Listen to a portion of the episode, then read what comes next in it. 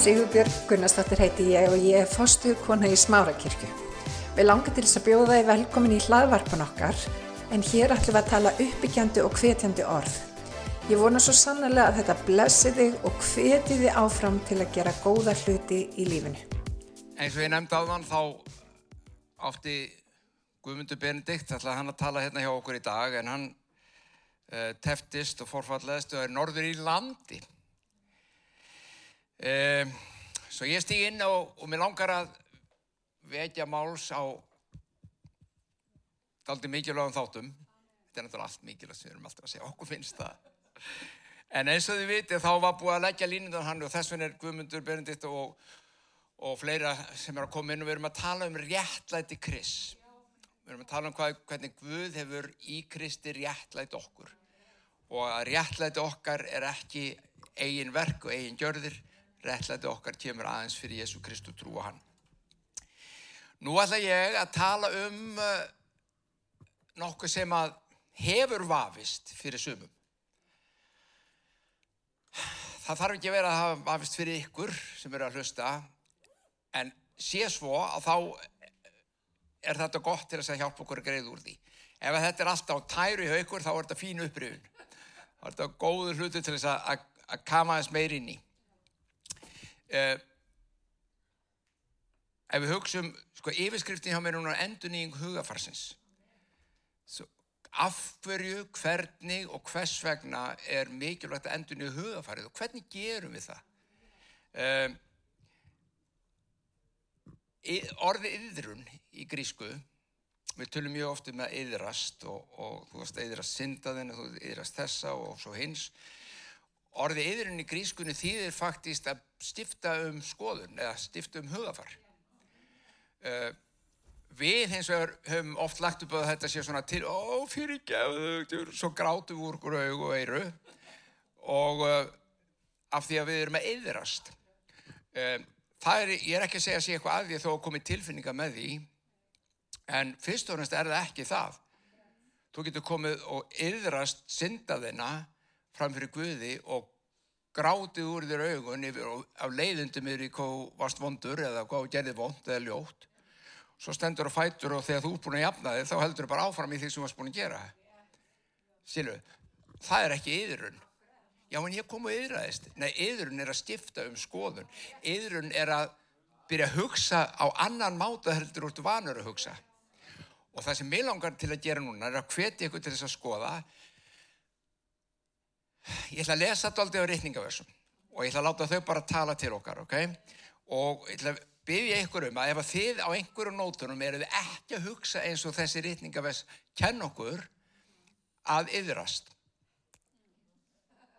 Og þá er ég ekki að tala um að koma hérna og gráta og fyrir nei, bara, hei, ég ætla að skoða þetta, ég ætla að skipta um skoðun, ef þetta er Guðsórð þá skipta ég um skoðun. Það er aldrei langt sen ég komst að því að ef að ég og Guðsórðum er ósamála, þá skipti ég um skoðun. Það er bara svo lis. Jafnvel þó að það sé hluti sem að ég hef alltaf trúið að Guðsórð kendi.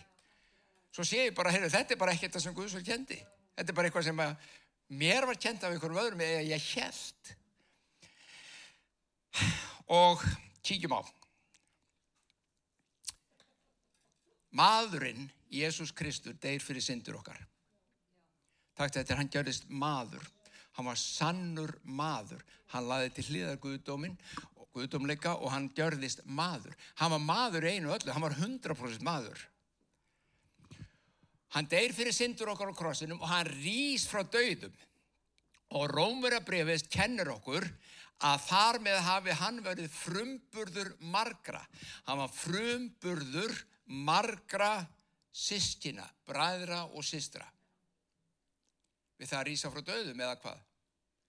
Býtu nú við. Hvernig má þetta vera? Að þú hugsaður um það. Hann var ekki fyrstu til að rýsa frá dauðum. Hann sjálfur var búin að reysa fólk frá döðum. Voru þeir þó ekki frumburðu margra? Nei, vegna það er ekki verið að tala um uppröstu í holdinu. Þó hún sé nöðsileg og mikilvæg í krafti krist, það er verið að tala um annars konar hlut sem að Guði gerði þegar reysa frá döðum. hann deyr líkamlega en syndin deyðir og hann varðað synd okkar vegna svo hvernig deytti syndinan? ekki líkamlega þá var rómverðin sem deytti hann á krossinu líkamlega syndin sem deytti hann var andlega. Myndið hann var maður? Og hvað er hvað er ef að syndliði til dauða og eru, þetta er svolítið svona er, ég er að, að reyna að gera þetta eins einfalt as við get. Þetta er hellingsefni þetta er mikill leindadómur en ég ætla að reyna að gera þetta eins einfalt as við get í örfóm orðum.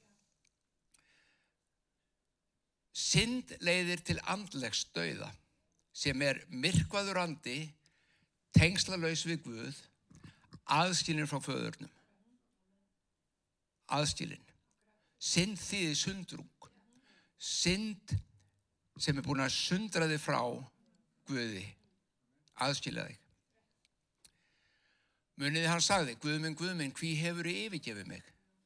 Þetta sagði Kristur og Krossirum hann var aðskilin frá Guði þannig deyran andanum vegna syndarinnar.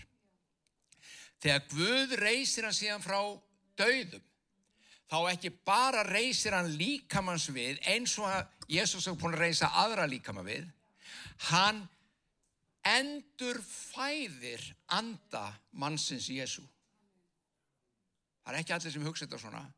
Byrju, hann var Guð, komur það bara ekki upp sem Guð? Nei, hann var alltaf maður má ég fá okkur til að hugsa eitt í viðbútt á himnum er hann líka maður Hmm. Hmm. Fyrir mig að sögtir. Þetta, þetta eru pælingar. Þetta eru pælingar. Enn og aftur, aldrei taka mín orð fyrir því, skoðu Guðs orð. Hann sem sagt, deyr líkamlega, hann deyr líka andlega. Sumir er, er ekki allir sammála þessum er ég segja. Sumir vilja meina hvernig hann deyr ekkert andlega, hann hættir ekkert að vera til. Nei, þeir sem degi andlega syndi hætt, við hættum ekki að vera til, hættir enginn að vera til sálinn og andin lifa eftir sem áður það er bara spurningi lifaði í náveist Guðs eða ekki og and, döð, andlegu döði í biblíunni lýsum aðstýruna frá Guði okay? þannig að það er það sem gerist með Jésu þegar hann sé að rýs frá döðum þá endur fæðir Guð anda hans og fyllir hann allri Guðs fyllingu Þess vegna er hann frumburður margra. Af því allir þeir sem frelsast eftir það fá að feta í þetta fótspor og fá endurfæðingu. Þetta er endurfæðingin. Sam og gerist í Jésu. Ef að það var ekki, þá getur við bara að segja, við, hvað frumburður margra, það er bara örfáir þá. Ég er ef aldrei reist frá döðum. Þú veist, er engir okkar hérna eða það. Nei. Þannig að þá erum við ekki frumburur, þá erum við semst ekki kjálfari, við erum ekki bræður og sýstur Jésu lengur ef að það er bara upp, holdið frá döðum. Nei, það er andin. Og biblían er full af þess að sína okkur hvernig þetta virkar og ég ætla að líta á nokkur orð. Hann fyllir hann allir Guðsfyllingu, lítum aðeins á í Kólusabriðinu 2. Gæti þess, nú látum við rittningun að tala, gæti þess að enginn verður til að herrtaka ykkur með heimsbyggi og hégum á villu sem byggist á mannasetningum og er runnið frá heimsvættunum en ekki frá Kristi. Með öðrum málum, þetta kemur aðvörun frá Páli. Ekki láta platikur ekki láta stela frá okkur, ekki láta koma með einhverja hegóma villu og heimsbeggi villur sem að byggjast engung á hvernig maðurinn tólkar hlutina. Guð er búin að gera kraftaverk í lífið þínu. Hann hefur gert stórgóðslega hluti sem er langt umfram það sem að mannshugurinn stílur og svo segir áfram í nýjönda versi því að í honum, í honum hverjum, Jésu Kristi, býr öll fyll fylling Guðsdómsins líkamlega. Hann rýs upp, hann er endurfættur og Guð fyllir hann allir í Guðs fyllingu.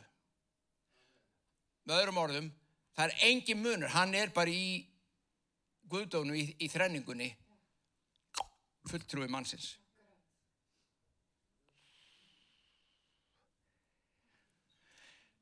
Há, há, hann er fulltrúi þín og mín Hann er frumburðurinn sem við fáum að fylgja eftir inn í þessa einingu með Guði.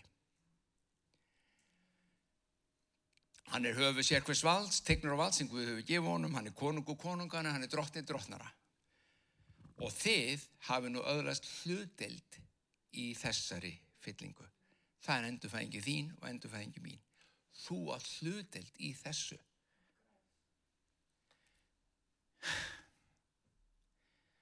Þarna er það sem ég vil sérstaklega að við skoðum hvort við þurfum að skiptum skoðun. Því að flesti kristni sem ég þekki og ég gerði það í mörg ár að ég að hlutildi þessu gekk út á það bara að ég starfa á þjóttnin hans og ég var hérna lærisveitin hans og svo þegar ég deg og fyrir til himna þá fæ ég hlutildina mína afhenda. En það er ekki það sem biblíðan kennir. Hann kennir, hún kennir Þetta er núna. Þú átt þetta núna. Þú átt þetta núna. Í honum eru þið einni umskornir, þeirri umskort sem ekki var með höndum gjörð, þið voru einni umskorinn. Alveg svo þegar, þegar andjans er endurfættu við upprisuna, þannig varst þú umskorinn í hjarta og ég, þegar við gefum líf okkur honum. Við afklæðumst þínu syndu að líka maður.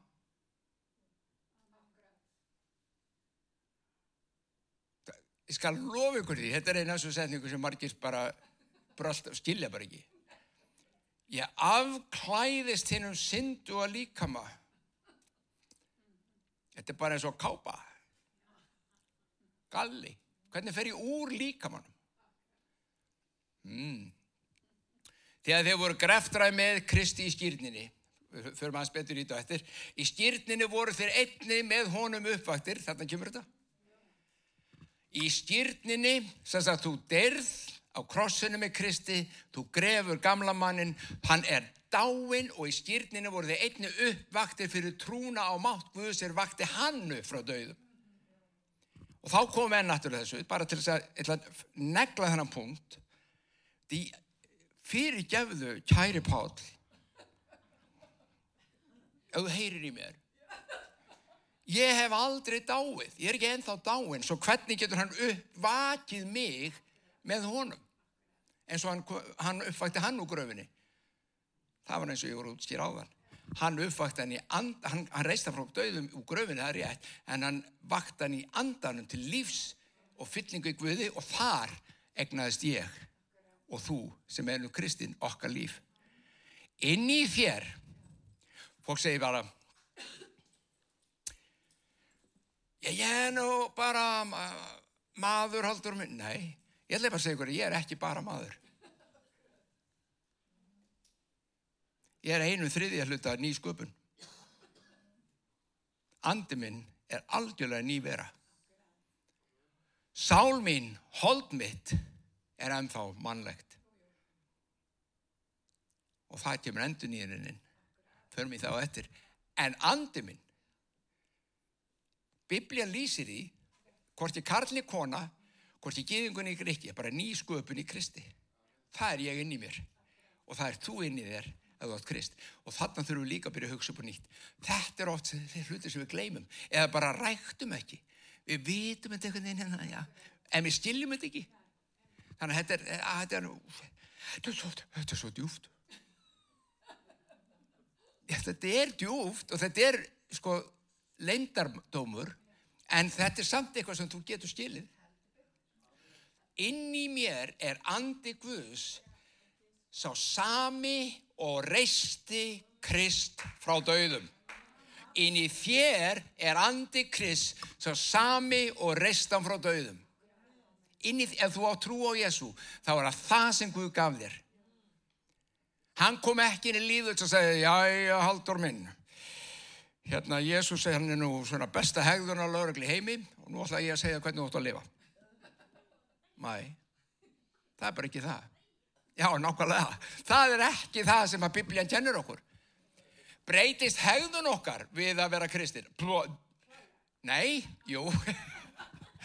Sjá sumum breytist hún ekkert óalega mikið. Það er bara þess að, en auðvitað breytist hún. Hún breytist þegar andin fær að stýra þegar innri maðurum fara að vinna, þá breytist hún.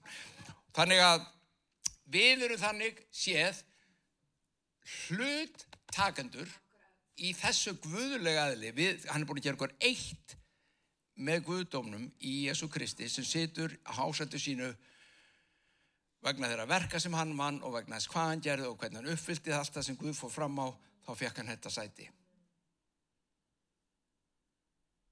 Og þú og ég meðum koma með. Byrjum að hugsa þetta svona. Verum meðvituð um það. Við komumst að valla hjá því. Við erum ekki kannski alltaf að hugsa hverjum degi hvað fjölskyldu við tilurum, svona einu náttúrulega kjarnafjölskyldinni. Við erum ekki að, ó já, ég, þetta er fjölskyldum minn hérna var pappi, við erum ekki að, að tella þetta upp, Henri, þú þarft ekki að loka dýrunum eftir, annað en að loka dýrunum heimaðar í lok dags og setjast niður með fjölskyldur og borða þetta er fjölskyldur þú veist hverju verð það, það er alltaf verið að minna það hverju verð og hverjum til er þú þarft að gera það með Jésu hverjum til er ég, hvar er ég?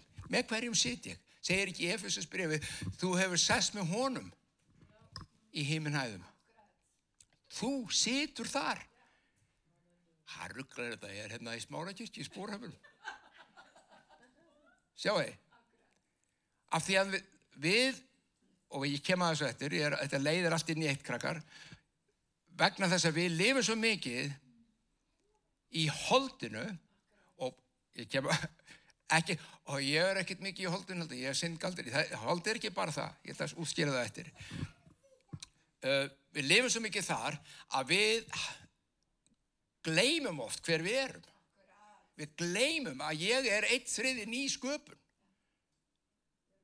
Og það er hún, þessi nýja sköpun sem ræður öllu ef ég leifinni og það er það sem ég vil að ráði. Okkur er vegna að það er Guð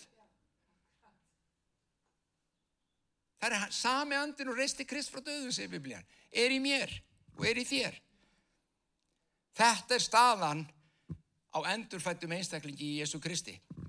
Hluteldi guðlugu eðli, sami krafturinn. Hvaða máli nú þetta upp á það endur nýjum hugafarsins og að lifa trúalífinu, að vera sem meðvitaður um þetta? Lesum við fyrsta jónans og nú kemur nú koma vers sem að margi kristnir hafa ströglað við. Hver sem að Guð er fættur drýir ekki synd. Fordæming. Fordæming 101, 2, 3, 4 það er bara ha? Hver sem að Guð er fættur drýir ekki synd. Og þú hei, ef þú ert í sama hóp og ég ég hugsaði wow, ég bara, þá er ég bara ekki fættur af Guði. Bara, þú veist, ég gerir ránt ég segir ránt, ég hugsa ránt, ég bregst við ránt þú veist, ég er að reyna að losa mig við það mest mikið aðeins og ég geta sjálfsögðu því ég vil lifa að reyna og góðu lífi. En bara hér segir það bara ef þú fættur okkur við, bara drýjur ekki synd. Hvað skonar eiginlega bóðskapur er þetta? Þetta sýnir hvað biblíðan er vittlus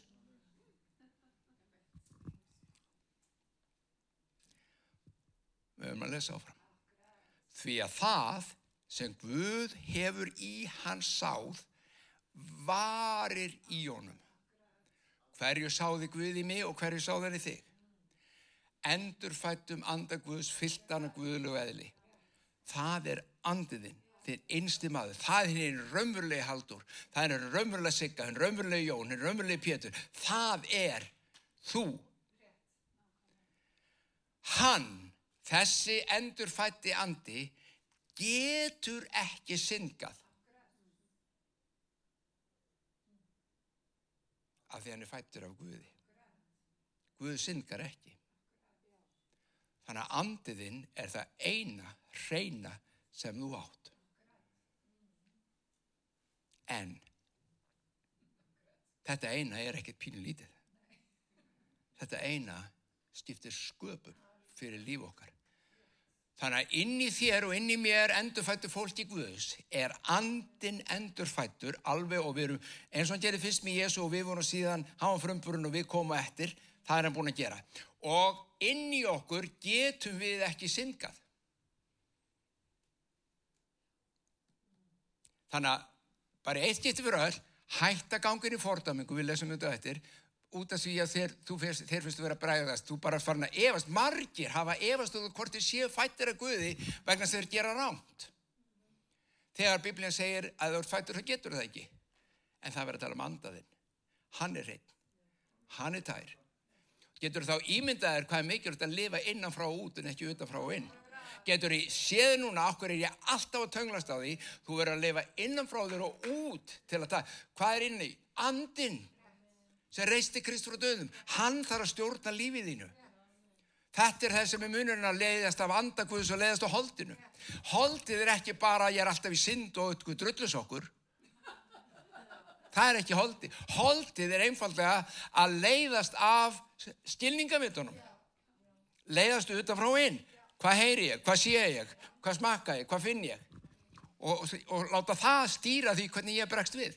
Það er að leiðast á holdinu og ef við fyrir dýbri í það, þá segir Biblíðan líka að leiðast á holdunni að reyna að lifa eftir, eins og það hafi verið ekkert að geta nema stílinstri góðs og íls. Það er að segja að þú ætlar að lifa eftir stílinstri góðs og íls, alltaf að reyna að skinja hvað er rétt og hvað er best og eitthvað svona utanfrá inn, þá feilaru. Og það leiði til dauða.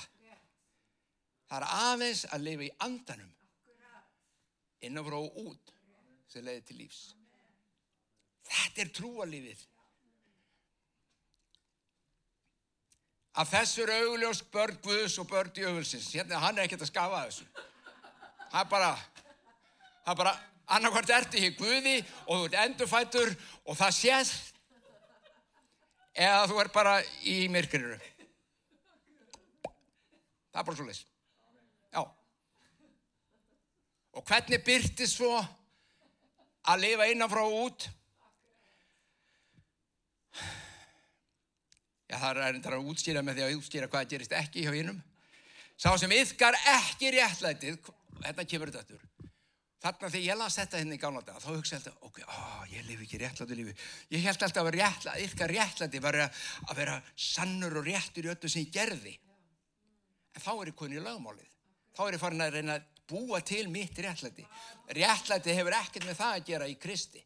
Það er tilsólis réttlæti, við bara meikum það aldrei í því. Veist, við bara náum ekki að klára það. Við bregðumst alltaf.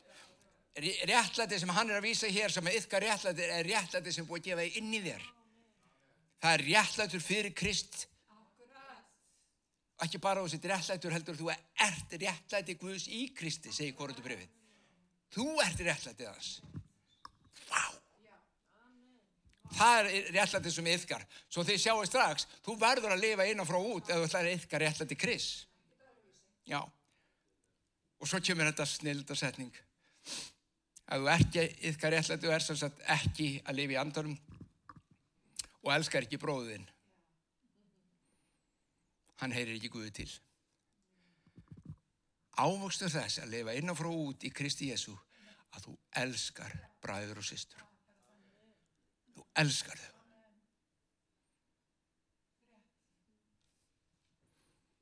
Oh.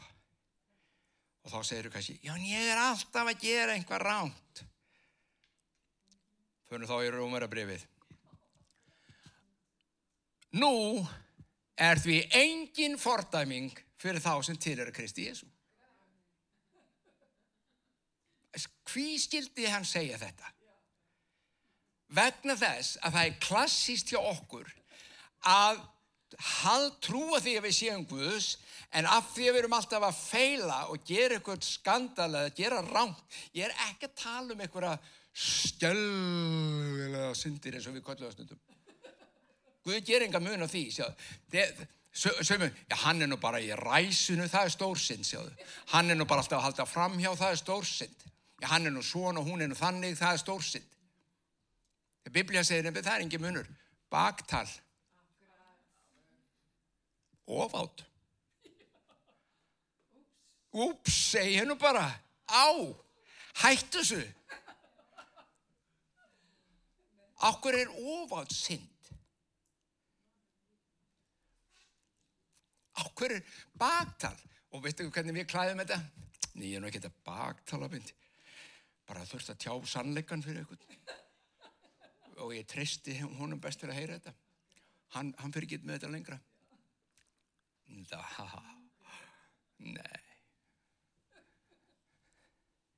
En þó að við klikkum með þessum lutum, þá er engin fordaming fyrir þá sem til er að Kristi Jésu. Því að lögmál lífsins anda hefur í Kristi Jésu frelsaðig frá lögmáli syndur og dauða. Það sem lögmálunum var ógerlegt að gera og stöldur maður svið, hvað átti lögmál Mósið að gera? Lögmál Mósið átti að koma því í kring að þú lifðir réttláttu lífi, segir svo vorum að lesa um það. En lögmáli gati ekki gert það í þér. Lögmáli gati ekki breytt hjartaninu þínu. Lögmáli sagði bara hvað þú áttir að gera og ef þú gerður ekki, sem að var alveg pottit 100% og þú gerður ekki, þá bara skammaði lögmálið þitt. Rómarabrið segir, Pál segir Rómarabrið þetta, hann er eins og harður eiginmaður. Leiðilegur. Hann krefst þess að þú eldir svona mat á sunnudum. Hann krefst þess að þú, gólfinn sé alltaf hrein þú gefur heim. Hann krefst þess og svo þegar þú klikkar á einu þá ertu bara ómulega því að það er allt undir. Þú veist, fyrst þú skúraður ekki gólfikjællingi minn þá matur á móndu líka sjáðu. Þetta er lögmáli. Hann er harður húsbúndi, segir Páll í postulasögurni, eða þessi í, í Rómarabrifinu, hann er harður og lögmáli gat ekki, þó að lögmáli verið tært og reynsjáðu. Lögmáli sað, vísa okkur alveg vilja Guðs og hans ástand og reynleika og heilarleika, gerir það, en gat ekki fengið þig til að lifa þar. Gat ekki fengið mannin til að lifa þar. Lögmáli var gott, en maðurinn brást. Það sem lögmálunum var ógert að því leiti að það mátti sín einskis fyrir holdinu. Hvað annað? Stilningavitun okkar yttar utanfrá einn réðu bara ferðinni. Ekki gyrnast þetta. Já, mér langar í það. Ekki gyrnast. Já, hún er svo falleg. Já, hún er kona eigin mannsins. Hérna, hún er eigin kona hérna, mannsins. Hérna í næsta húsi. Já, ég veit að þetta er alveg skjálfulegt. Þetta er alveg og svo farið samanskupið. Lágmáli segir þú eigir ekki að gera þetta. Lágmáli segir þú eigir ekki að bera ljúvinni. Lágmáli segir þú eigir ekki að stela. En holdið. Að þú hefur engan kraft í holdinu að ráða við þetta. Engan. Mundu, ég heyri alveg sem ég segja, já ég er nú bara mestuleiti mjög gott hjá mér sko. Sorry. Segur við eitt, segur við allt, segir Biblian. Segur við eitt, segur við allt. Engin leið. Hann gjörði, það gjörði Guð með því að senda svon sinn eigin, eh, sinn eigin svon í líkingu syndusmanns gegn syndinni og hann dæmdi Guð, þannig dæmdi Guð syndin í manninum. Þannig varð réttlættis kröfu lögmálsins fullnægt hjá okkur sem lifum ekki eftir holdi heldur eftir anda. Ég gleym ekki þegar ég var nýlega komið sér trúar og ég var alveg, wow, ég ætla að lifa í andanum, wow. Ég veist ekki hvað það var, en bara að lifa í andanum. Og veitir hvað það gekk út á aðla? Svona að reyna að vera alltaf í bæinu að heyra, Guðu kontu kontu, kontu, kontu, kontu, eins og hann væri eitthvað annars, það er heldur í mér.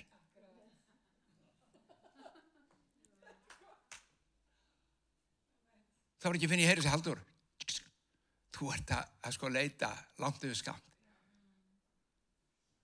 Þú þarft ekki að fara yfir bæjarleikin til að ná í vatni sko.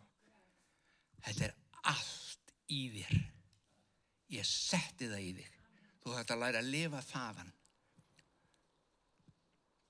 Þeir sem láta stjórnast að andanum higgja á það sem andans er. Higgja holdsins er döði, það var að segja og segja. Þannig ef þú stjórnast af ytri þáttum, ef þú stjórnast og lætur all, lífið algjörlega leiðast bara af stilningafitunum fimm, þá leiðir það bara til döiða. Higgja holdsins er fjandskapur gegn Guði, með því að hún lítur ekki lögmáli Guðs, en það getur hún það ekki. Þeir sem eru holdsins menn get ekki þóknast Guði.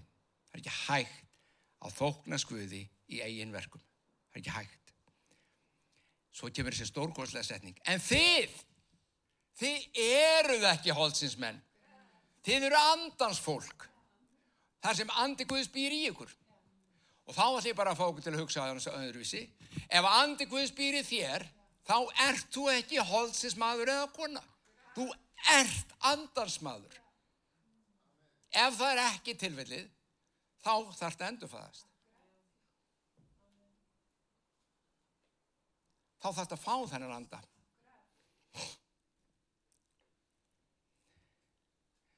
Stökkaðast nýri 11. vers. Ef andi hann sem vakti Jésús frá döðum býr í ykkur, þá mun hann sem vakti Krist frá döðum einnig gera döðulega líka með að lifandi með anda sínum sem í yðu býr. Því brín ég ykkur bræður, þá er ég konið tóltekabla. Sjáu hvert við erum að fara. Þú átt að anda Guðs innar með þér. Þú ert endurfættir í andanum eins og Kristur. Þú átt þetta líf. Við þar sem við erum þar fætt, þá lifum við þaðan. Við lifum ekki utan frá inn, við lifum innan frá út og þetta sem er innan í getur ekki syngað. Þess vegna er svo mikilvægt að láta það ráða ferðinni. En það er eftir, og þess vegna er engin fordæming heldur fyrir það sem er í Kristi Jésu. En það eru hlutir í líf okkar sem eru enna að taka breytingum. Og það segir hér í Rómarabrefinu, því bríni ykkur bræður að þér vegna miskunum Guðs bjóði fram sjálfaður að lifandi heilari Guði þoklanlega fórt, það er sönn og rétt Guðstyrkuna í þeirra hendi. Hegðið ykkur ekki eftir ölltassar heldur takki háttaskiptum með endur nýjungu hugafarsins.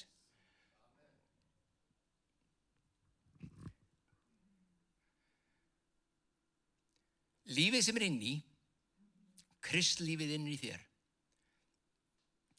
þarf að smátt og smátt að taka yfir í lífinu og breyta huganu.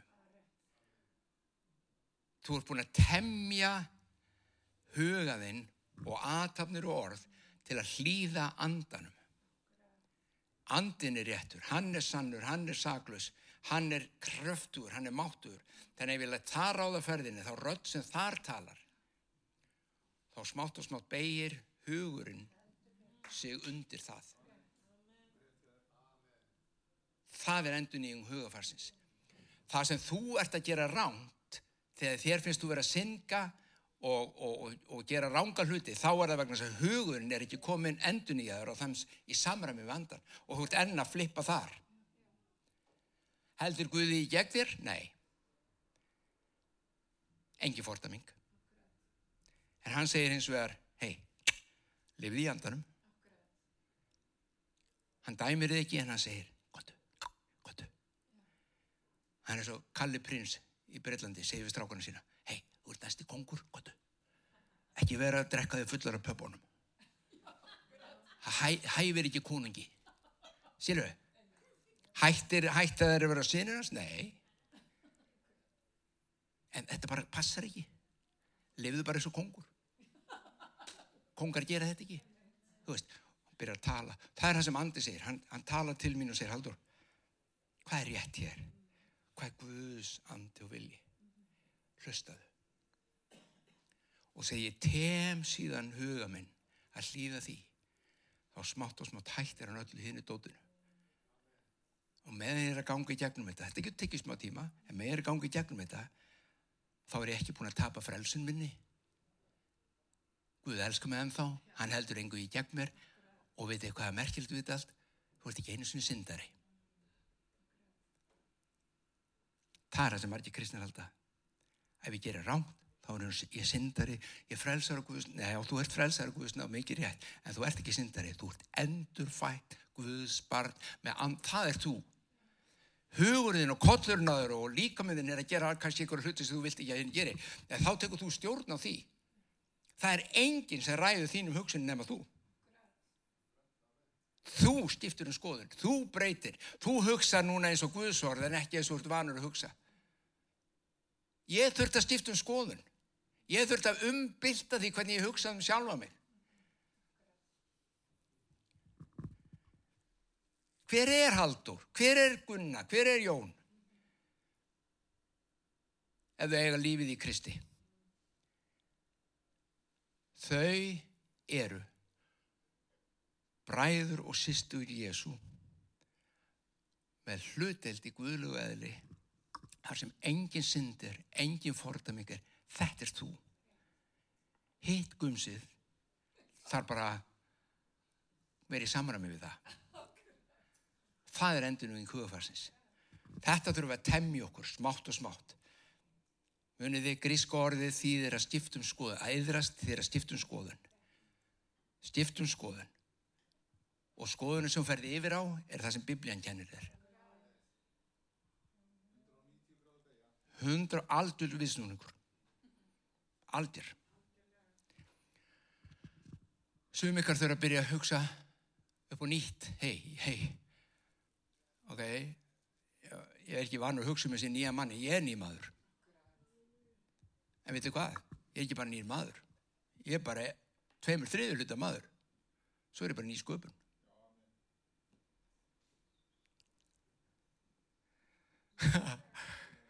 Hann er þessu tveir þriðu maður sem er að ganga frá mjó.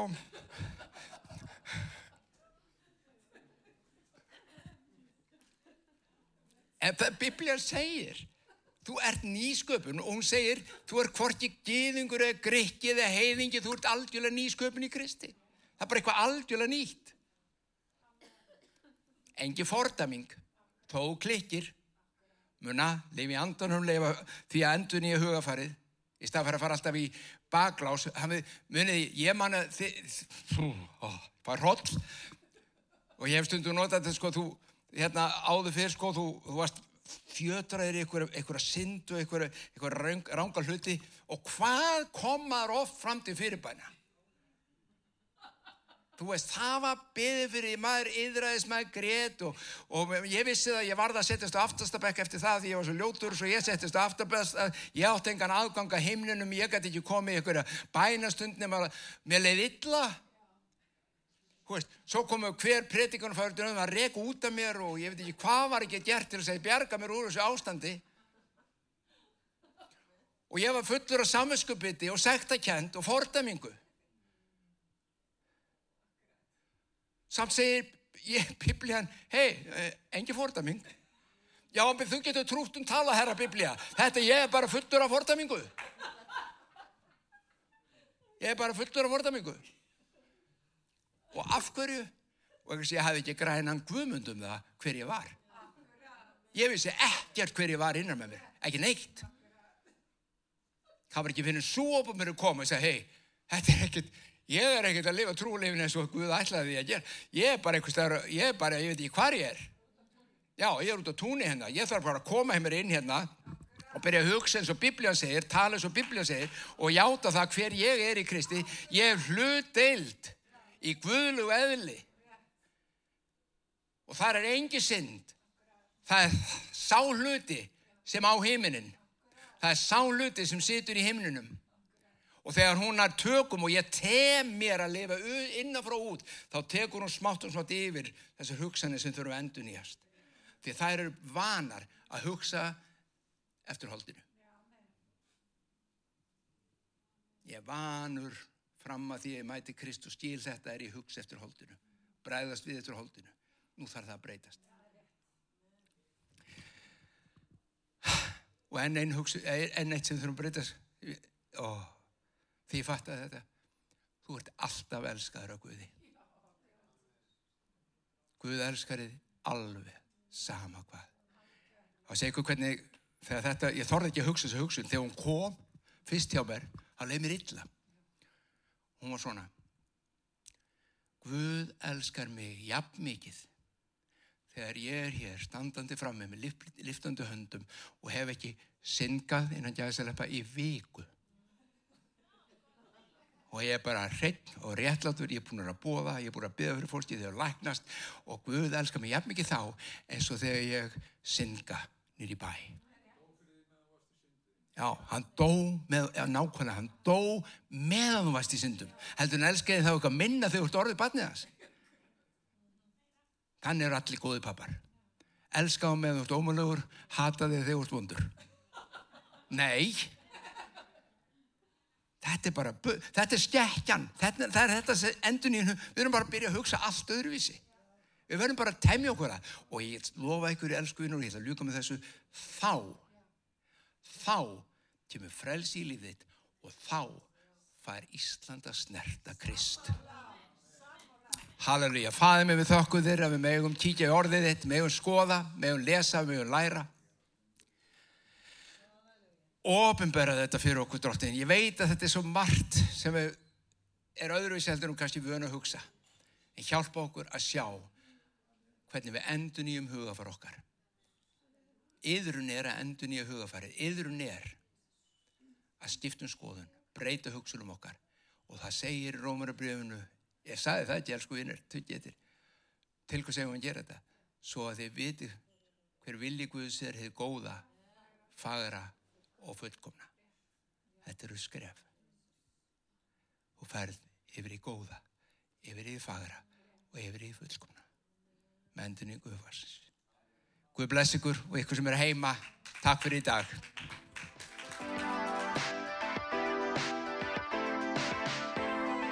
Ég hveti til þess að stilla inn á okkur með reglum hætti því að hér verður alltaf eitthvað nýtt á nálinni.